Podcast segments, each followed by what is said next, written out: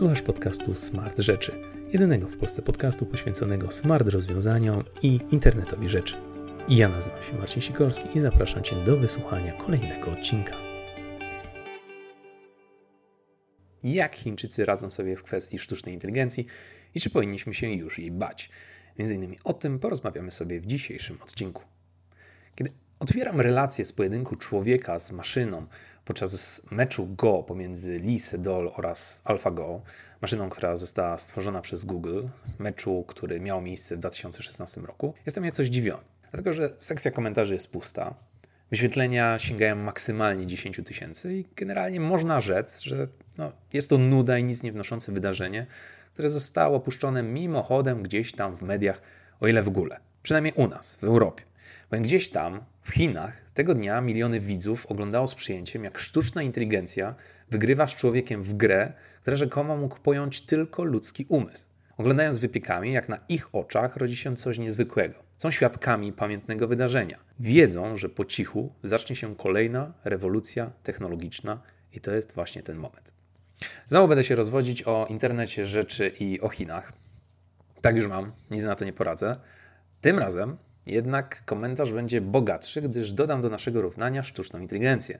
Kolejny filar technologicznego świata jutra. Tym razem przedstawiony właśnie z perspektywy chińskiego społeczeństwa. Niezwykle barwnej perspektywy, pragnę dodać. Zacytuję tu fragment raportu China AI Development Report 2018, który być może wyjaśni moją fascynację Chinami w kontekście sztucznej inteligencji.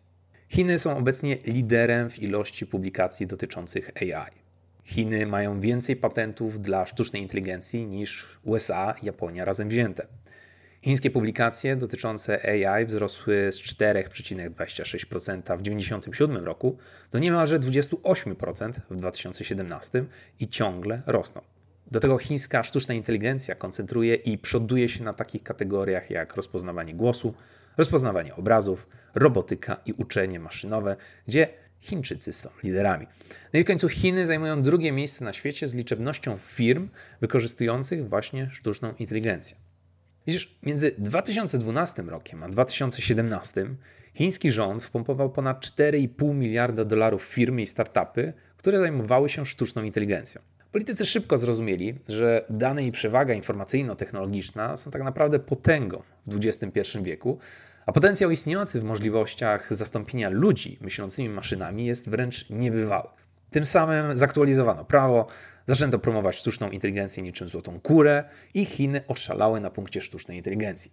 A przynajmniej tyle w dużym, bardzo dużym uproszczeniu. W świecie post-AlphaGo chińscy badacze, studenci, naukowcy, inżynierowie Masolo rzucili się na zasoby takich stron jak na przykład Arxiv.org, gdzie każdego dnia przeszukują, analizują i pochłaniają wszystko na swojej drodze, co nosi znamiona sztucznej inteligencji. Widzisz, publikacje akademickie, raporty, badania, te i inne dokumenty można z łatwością tam znaleźć i tak na dobrą sprawę wszystko się nada, pod warunkiem, że dowiem się więcej i będę mógł napisać własne AI, własną sztuczną inteligencję dla potrzeb swoich i chińskiego rynku. Skąd jednak ten pośpiech i ten nagły głód wiedzy, ktoś może zapytać. Stąd, że jest bowiem o co walczyć. Okazuje się, że czekają tysiące mini przełomów, a wszystkie dotyczą właśnie uczenia się maszyn. Tego, jak rozumieją język naturalny, jak planują, jak rozsądzają, jak uczą się, do tego dochodzi inteligencja emocjonalna, samoświadomość, humor, empatia, miłość, rozumienie piękna, sensu życia, no i przeskoczenie z poziomu suchej korelacji danych i prognozowania na rzecz rzeczywistego myślenia. Każdy ambitny Chińczyk chce teraz mieć wkład choćby w jedno z tych nowatorskich rozwiązań, bowiem wierzy, że w ten sposób będzie mógł wyrwać się z marazmów codzienności i przeciętności. W ten sposób stanie się kimś unikalnym i niezwykłym. Kimś na miarę na przykład Jacka Ma, czyli twórcy Alibaby. Widzisz, Ma stał się swego rodzaju bohaterem narodowym e, nowego rodzaju. Bohaterem ludzkim i spokrewnionym. Wydaje się być chłopcem z sąsiedztwa, który nie uczęszczał na elitarny uniwersytet, nigdy nie uczył się programować, a swym uporem doszedł do momentu, gdy jest najbogatszym Chińczykiem na świecie. Czy nie jest to zatem wspaniała wizja? Zresztą nawet jeśli nie stworzę firmy na miarę Alibaby lub e, Baidu, to może moja sztuczna inteligencja będzie produktem, który sprzedam już istniejącym firmom. Zdziwiłby się, jak wiele bytów korzysta już teraz ze sztucznej inteligencji, która doskonali się w meandrach nadinterpretacji po to, by właśnie wspomagać decyzyjność firm. Weźmy dla przykładu aplikację WeChat. Kolosa, z którego każdego dnia korzystają setki milionów aktywnych użytkowników, a które swe działanie opiera właśnie o AI. Nieistotne dla ludzkiej percepcji detale stają się jego pożywką. Szybkość wpisywania daty urodzenia, poziom naładowania baterii telefonu, tempo przesuwania palcem po ekranie i dziesiątki, dziesiątki innych parametrów zostają przetworzone i przeanalizowane, by trafić wprost do serca firmy. Co jednak może mieć ze sobą wspólnego, powiedzmy, szybkość wysyłania emoji i poziom naładowania baterii, tak na dobrą sprawę nie jest pytaniem, na które możemy odpowiedzieć w kategoriach prostej przyczyny i skutku. Sztuczna inteligencja przekracza ograniczenia naszych umysłów i wyszukuje korelacje ukryte w morzu danych, i właśnie dlatego jest to kuszące rozwiązanie, z którego chcą korzystać te wszystkie firmy. Może krótko opowiem jeszcze o sztucznej inteligencji, nim przejdziemy sobie e, dalej do odpowiedzi na pytanie, jaki to ma wpływ na Chińczyków. Pod pojęciem sztucznej inteligencji i uczenia maszynowego zaszyte jest tak naprawdę mnóstwo elementów i wątków, które czynią tę skomplikowaną układankę możliwą do złożenia. Przetwarzanie języka naturalnego, rozpoznawanie wzorców zaszytych w obrazach, świadome wyodrębnianie danych, nauka wzmocnienia. Terminologia jest bogata, a metod nauczenia jest całe mnóstwo. A wszystko po to, by sprzęty uczyły się, dojrzewały i ze zwykłych maszyn reaktywnych przeobraziły się w maszyny ograniczone jedynie na przykład pamięcią, to znaczy mające możliwość korzystania z przeszłych doświadczeń w celu podejmowania przyszłych decyzji. Potem będzie już w miarę z górki, bo będziemy mieli maszyny oparte o teorię umysłu. Wiem, że inni mają swoje osobiste przekonania, pragnienia i intencje, które wpływają na podejmowane przez nich decyzje. I w końcu takie, które posiadają samoświadomość, poczucie jaźni, no i świadomość samego siebie. Ale to jeszcze odległa przyszłość. Żeby jednak do tego wszystkiego doszło, musimy przemóc się, ładować w maszyny tyle próbek danych, ile tylko się da, i liczyć, że przy odpowiedniej kombinacji wzorów matematycznych uda nam się osiągnąć satysfakcjonujące rezultaty. Posłużę się teraz prostym przykładem. Weźmy na przykład naukę przez klasyfikację obrazu. Chcemy, żeby maszyna sama świadomie rozpoznawała to, co widzi. Jak ją tego jednak nauczymy? No na pewno chcemy, aby miała pewien zasób słownictwa, by móc nazwać daną rzecz. Chcemy, aby miała możliwość rozpoznawania, czy dany obiekt jest na obrazie. Świadomość, na jaki obszar otoczenie spogląda. No i w końcu być w stanie odizolować każdy napotkany punkt, przypisując go do odpowiedniej kategorii. Oczywiście będziemy chcieli stopniowo uczyć ją w taki sposób, aby najpierw uczyć ją poprzez nadzorowanie, potem by zaczęła uczyć się bez nadzoru, potem jedynie sporadycznie nadzorując ją i w końcu dokształcać ją tylko przez wzmocnienie. Zacznijmy jednak metodą małych kroczków. Skoro chcemy wskazać maszynie, co znajduje się w polu jej widzenia, będziemy potrzebować tzw. Tak binarnych etykiet. Co z tego, że kamera patrzy skoro nie wie na co. Potrzebujemy nauczyć ją paru odpowiednich fraz, powiększyć w ten sposób jej zakres wiedzy o świecie. Trzeba zatem zaczytać stosowną bazę danych, która będzie posiadać odpowiednie zbiory i wskaże na tysiącach przykładów, czym jest dany obiekt. Na przykład, czym jest obiekt pies, czym jest obiekt krzesło. Na szczęście już teraz istnieją ludzie, którzy mają zbyt dużo wolnego czasu i oferują swoje zasoby do tego typu nauki. Najsłynniejsze z nich to zasoby MNIST. To jest taki zasób, który zawiera Zestaw szkoleniowy obejmujący około 60 tysięcy przykładów odręcznie rozpisanych liczb, po to, aby maszyna wiedziała, na jaką liczbę spogląda i odczytywała ręczne pismo. Są grupy czy zasoby zwane Caltech 101 i Caltech 256. Każda z nich zawiera dziesiątki tysięcy zdjęć, które są posegregowane w setkach różnych kategorii. E, inne znane zasoby to na przykład CIFAR 10 i CIFAR 100 taki zestaw danych, e, który ma na przykład 100 klas, zawierających po 600 obrazów każdy. No i na klasę przypada 500 zdjęć szkoleniowych i 100 zdjęć testowych. I maszyna nie tylko, że uczy się różnych, różnego widoku, kombinacji związanej na przykład z czym jest pies, czym jest kot, czym jest człowiek, ale też ma pewne zdjęcia testowe, aby porównywać sobie, czy się czegoś nauczyła, czy jest już w stanie tego rozpoznać. No i dwie ostatnie takie znane e, kategorie zasobów to ImageNet, który zrobił osobliwe odejście od przyrostowego wzrostu wielkości zbioru danych, proponując utworzenie zestawu danych zawierających tak około 22 tysiące kategorii, z których każda zawiera tysiąc obrazów. No i najsłynniejszy ostatni to Caltech Pedestrians, czyli zbiór danych e, pieszych. Zbiór danych, który składa się z dziesiątek godzin wideo zarejestrowanych e, z pojazdu jadącego po mieście. Odnotowano setki tysięcy klatek, które z kolei dzielą się na jeszcze większą ilość ramek i może w ten sposób maszyna uczyć się, jak wygląda pieszy w różnych stadiach na ulicy. Takich kategorii do uczenia jest w sieci jeszcze oczywiście mnóstwo, chociaż sam wybór bywa także kłopotliwym i bolesnym zadaniem. Kategorie muszą stanowić reprezentatywny zestaw, być odpowiednie dla praktycznych zastosowań i występować z odpowiednią częstotliwością. Nie mówiąc już o kłopotliwych kategoriach tak zwanych rzeczy, czyli przedmioty namacalne i rzeczy, czyli strefy. Do czego jeszcze dojdziemy? Załóżmy jednak, że znamy już słowo, maszyna się nauczyła. Trzeba teraz pomóc maszynie rozpoznawać, czy dana rzecz znajduje się w jej polu widzenia, czy też nie. Zajmiemy się więc wykrywaniem obiektów. Czynność wykrywania w rzeczywistości jest tak naprawdę kombinacją dwóch zadań stwierdzenia obecności obiektu należącego do określonej klasy, jak i zlokalizowanie go na obrazie. Na nasze szczęście, a jakże, i tu z pomocą przychodzą gotowe zbiory danych, algorytmy, narzędzia i metody interpretacji wyników, jak choćby Pascal 2. Tak zwane znormalizowane zestawy danych do rozpoznawania klas obiektów, zestaw narzędzi do uzyskiwania dostępu do zbiorów danych i anotacji umożliwiające ocenę i porównanie różnych metod. Więc wszystko zazwyczaj jest w takim wygodnym pakiecie.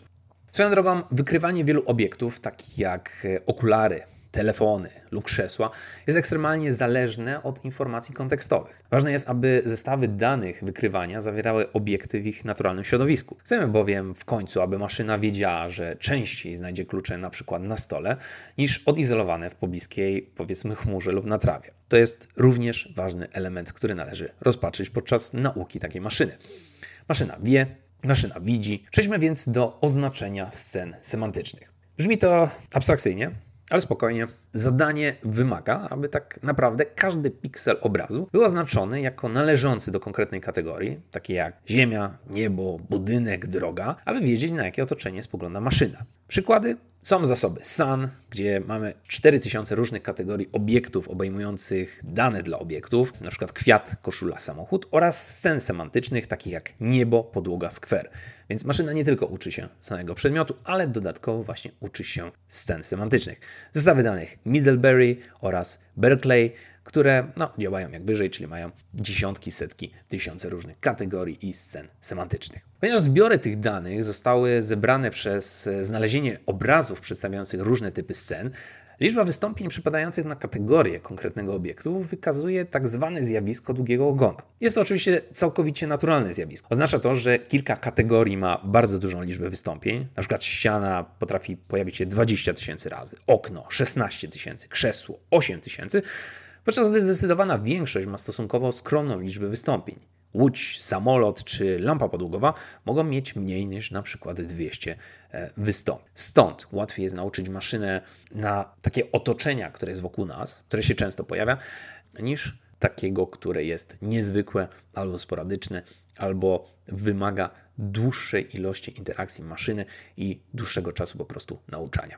Potem dochodzą jeszcze założenia związane z matematycznymi wzorami na naukę, no i doskonaleniem samego algorytmu, tak aby sztuczna inteligencja przestała być słaba i skoncentrowana na jednym wąskim zadaniu, a stała się nagle silna i dużo bardziej podobna do inteligencji człowieka, potrafiącej samodzielnie myśleć i wykonywać różne skomplikowane. Zabawne w tym wszystkim jest to, że rozpatrując jedno proste z perspektywy człowieka zadanie, dostrzegamy dziesiątki różnych problemów i mikro zadań, które trzeba przecież rozwiązać, by maszyna choć częściowo mogła wykazać elementy intelektu.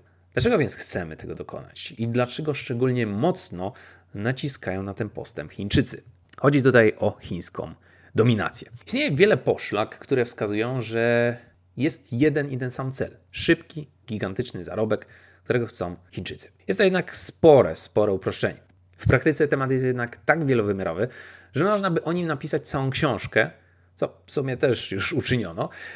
Dlatego skupimy się tylko na takiej ogólnej idei, ogólnej koncepcji. Wiesz, Chińczycy i przedsiębiorcy tak naprawdę nie mają luksusu zachodnich koncernów w postaci stworzenia algorytmu i produktu, na którym będą mogli zarabiać przez następne lata. Jeśli uda im się zbudować taki działający produkt, którego chcą ludzie, nie mogą wówczas ogłosić zwycięstwa. Możą tak naprawdę wypowiedzieć wojnę. Wojnę z milionami innych wygłodniałych osobników, którzy nie marzą o niczym innym, jak tego wykorzystywać i skopiować ich gotowe rozwiązanie. Konkurencja jest tu tak duża i aż tak brutalna, że dochodzi do tego typu sytuacji i Chińczycy są na to gotowi. Oczywiście Ja wiem, że niby zdarza się to i u nas, prawda? Może. Lecz e, niech kontrargumentem do tego, jak niebezpiecznie jest w Chinach, a, a, jak jest w Europie czy w Stanach, będzie pewien zasłyszany cytat dotyczący tempa działania Chin. Andrew, jesteśmy w Dolinie Krzemowej. Musisz przestać nas traktować, jakbyśmy byli w Chinach, ponieważ po prostu nie możemy dostarczyć rzeczy w oczekiwanym przez ciebie tempie. Jest to cytat z dyskusji, które, którą prowadził amerykański dystrybutor i producent wraz z chińskim, i który nie rozumiał nacisku ze strony Chin na to, żeby pracować szybciej, żeby pomijać święta, żeby nie pracować tylko 8 godzin, ale jeszcze dodatkowe darmowe nadgodziny. Generalnie Chiny nie znają słów wolniej, nie znają słów później, bo wiedzą, że każdy potencjalny zły krok oznacza dla nich wypadnięcie z rynku. Pracują jak szalenie, by móc zrealizować swoje marzenie marzenie cyfrowego świata jutra. Analitycy nazwali tę rynkową eksplozję rewolucją O2O, w skrócie online offline, która może być myląca, ale koncepcja jest prosta. Zamień działania online w usługi offline. Myślisz Uber i tak naprawdę wiesz już o co chodzi. Rewolucja O2O polega na wprowadzeniu tej wygody w stosunku do rzeczy, których nie można umieścić w kartonowym pudełku. Gorące jedzenie, przyjażdżka do baru, ostrzyżenie, doniesienie zakupów itd. Tak itd. Tak Rozumiesz koncepcję. Sztuczna inteligencja jest w tym przypadku niezwykle pomocna, bo pozwala lepiej rekomendować klientowi, jednocześnie lepiej go rozumieć. I właśnie o rozumienie, a właściwie swego rodzaju sprofilowanie tutaj chodzi. To ma mieć swoje konsekwencje w postaci tak zwanego uczucia przywiązania do marki. Że niby ta firma wie dokładnie, czego mi potrzeba, a kiedy podepniemy pod to wszystko, pod te wszystkie molochy, takie jak na przykład WeChat, przypominam, zainstalowany na ponad połowie wszystkich smartfonów w Chinach, do tego w większości przypadków połączony z kontami bankowymi użytkowników, to okaże się, że idea sztucznej inteligencji, która jest w stanie przywołać taksówkę, zamówić posiłek, zarezerwować hotel, zarządzić moim rachunkiem telefonicznym i zrobić dziesiątki innych zadań, znając już mnie bardzo dobrze, staje się ekstremalnie, ekstremalnie kurząca. Ale rewolucja O2O oznacza coś więcej niż jedynie próbę podporządkowania sobie świata za pomocą AI. O nie, nie, nie, nie. Byłoby za prosto. O2O oznacza także, że na naszych oczach nastąpi swego rodzaju podział na firmy z lekkim AI i ciężkim AI. Już wyjaśnię o co chodzi. Terminy te odnoszą się do tego, jak bardzo zaangażowana jest firma w dostarczeniu towarów lub usług, by połączyć światy online i offline. Dla przykładu, amerykańskie firmy przyjmują podejście lekkie, uważając, że podstawową siłą internetu jest dzielenie się informacjami, uzupełnienie braku wiedzy, no i łączenie ludzi w formie cyfrowej i sztuczna inteligencja powinna pomóc w tym obszarze. Nie być przeszkodą, nie być barierą, lecz pomóc. W Chinach z kolei preferowane jest podejście ciężkie, które sprowadza się do tego, by sztuczna inteligencja zdobywała, analizowała i działała tak, by za wszelką cenę firma mogła zarobić po trupach do celu. Oczywiście nie wybielam to rzecz jasna firm zachodu, wskazuje raczej pewne różnice w działaniu, pewne różnice w mentalności zachodu i wschodu. Na to wszystko nakłada się również chęć pozbycia niepotrzebnych pracowników, których można by zastąpić maszynami. Analitycy szacują, że za kilka lat zautomatyzowanych zostanie od 9 do 47% zawodów. Różnica tak naprawdę pomiędzy szerokim dobrobytem a bezpośrednim kryzysem zatrudnienia, jeżeli zastanowimy się nad tym. To zaś odbije się na trzech głównych siłach działających na globalną gospodarkę: na demografii, na automatyzacji, no i na nierówności. Jeśli przyjmiemy, że do 2030 roku pracodawcy będą potrzebować około 20% mniej pracowników, to co wydarzy się z tymi pozostałymi oso osobami? Niektórzy najpewniej zostaną ponownie wchłonięci w nowe zawody, które obecnie prawie nie istnieją, na przykład technik naprawy robotów, bo dlaczegożby nie. Ale reszta, jak ich zachowanie przekuje się na pozostałe 75% pracujących? Zwolennicy przekwalifikowania pracowników mają tendencję do wierzenia, że sztuczna inteligencja będzie powoli zmieniać umiejętności, na które jest popyt, ale jeśli pracownicy będą mogli dostosować swoje umiejętności i szkolenie, to zapotrzebowanie na siłę roboczą nie spadnie w ogóle lub jedynie marginalnie. Ja z kolei zadaję pytanie, czy nie spowoduje to głębokiego przesiedlenia lub wyparcia pracowników z ich naturalnego ekosystemu? No, cała ta dyskusja jest z kolei zaczynkiem do głębszych rozważań, których Chiny tak naprawdę chcą uniknąć. Jak zapewnić tym ludziom by? Czy rozważyć UBI, czyli uniwersalną płacę minimalną? Czy możemy w istocie zacząć, no, powiedzmy, lenić się, oddać pracę maszynom i zbudować lepsze państwo? książce AI Superpowers China, Silicon Valley and the New Order jest taki wspaniały fragment, który dobitnie wyjaśnia bzdurność tych założeń. UBI to fantastyczny wynalazek na papierze. Przede wszystkim nie nakłada na badaczy obciążenia o skutkach społecznych technologii, które budują. Tak długo, jak wszyscy otrzymują miesięczną dawkę UBI, wszystko jest przecież w porządku. Elita technologiczna może przede wszystkim robić dokładnie to, co planowała: budować innowacyjne firmy i czerpać ogromne korzyści finansowe. Oczywiście wyższe podatki wymagane do sfinansowania UBI w pewnym stopniu zmniejszają te zyski, ale ogromna większość korzyści finansowych z AI wciąż będzie przypisywana tej elitarnej grupie. Patrząc w ten sposób, UBI nie jest konstruktywnym rozwiązaniem, które wykorzystuje sztuczną inteligencję do budowania lepszego świata. To środek przeciwbólowy. Coś, co odrętwiłoby i uspokoiło ludzi, którzy ucierpieli w wyniku przejęcia sztucznej inteligencji. I ten efekt odrętwienia przebiega w obie strony. Znaczy nie tylko łagodzi ból osób przesiedlonych przez technologię, ale także uspokaja sumienie tych, którzy dokonują przesiedleń.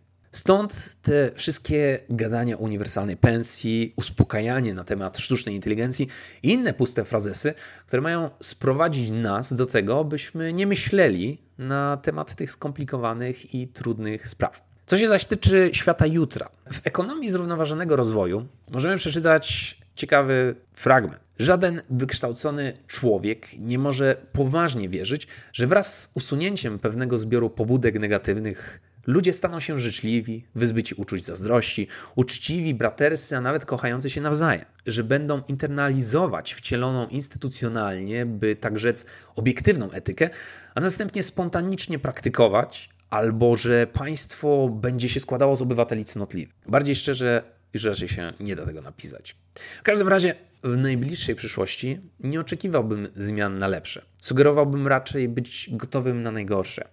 Chociaż w całym tym szaleństwie, w całej tej dyskusji o sztucznej inteligencji, w całej tej dyskusji o UBI, o tym, co zrobić z osobami, które nie są gotowe na zmiany, o tym, jak sztuczna inteligencja zamieni pracowników, etc., etc., warto w tym wszystkim na pocieszenie wspomnieć o paradoksie Moraweka, który może niektórych uspokoi. Zauważył on, że główną lekcją wyniesioną z 35 lat badań nad sztuczną inteligencją jest to, że trudne problemy są łatwe, a łatwe problemy są trudne. Umysłowe zdolności czterolatka, które uważamy za oczywiste, czyli rozpoznawanie twarzy, podniesienie ołówka, przejście przez pokój, faktycznie rozwiązują jedne z najtrudniejszych inżynieryjnych problemów. Gdy pojawia się nowa generacja inteligentnych urządzeń, to analitycy giełdowi, inżynierowie i ławnicy sądowi mogą zostać zastąpieni maszynami. Innymi słowy, dużo łatwiej jest nauczyć maszynę zadań, które wykraczają poza ludzki umysł. Zbierz na przykład dziesiątki milionów danych i wysuń jakiś interesujący wniosek, a dużo trudniej jest nauczyć taką maszynę jakichś manualnych robótek, które wymagają precyzji i pewnej zdolności manualnej i tego sznytu, który póki co posiada jeszcze jedynie człowiek. Na ten moment pozostaje jednak spoglądać w kierunku Chin i zastanawiać się, co przyniesie nam na dobre jutro, co przyniosą nam Chiny. A temat sztucznej inteligencji, jak zawsze, pozostaje otwarty. Hej, mam nadzieję, że spodobał Ci się ten odcinek. Jeżeli masz jakiekolwiek wątpliwości, pytania lub chciałbyś porozmawiać na tematy poruszane w tym odcinku, zapraszam Cię do kontaktu albo za pomocą strony smartrzeczy.pl, albo za pomocą e-maila kontakt Pozdrawiam i do usłyszenia w kolejnym odcinku.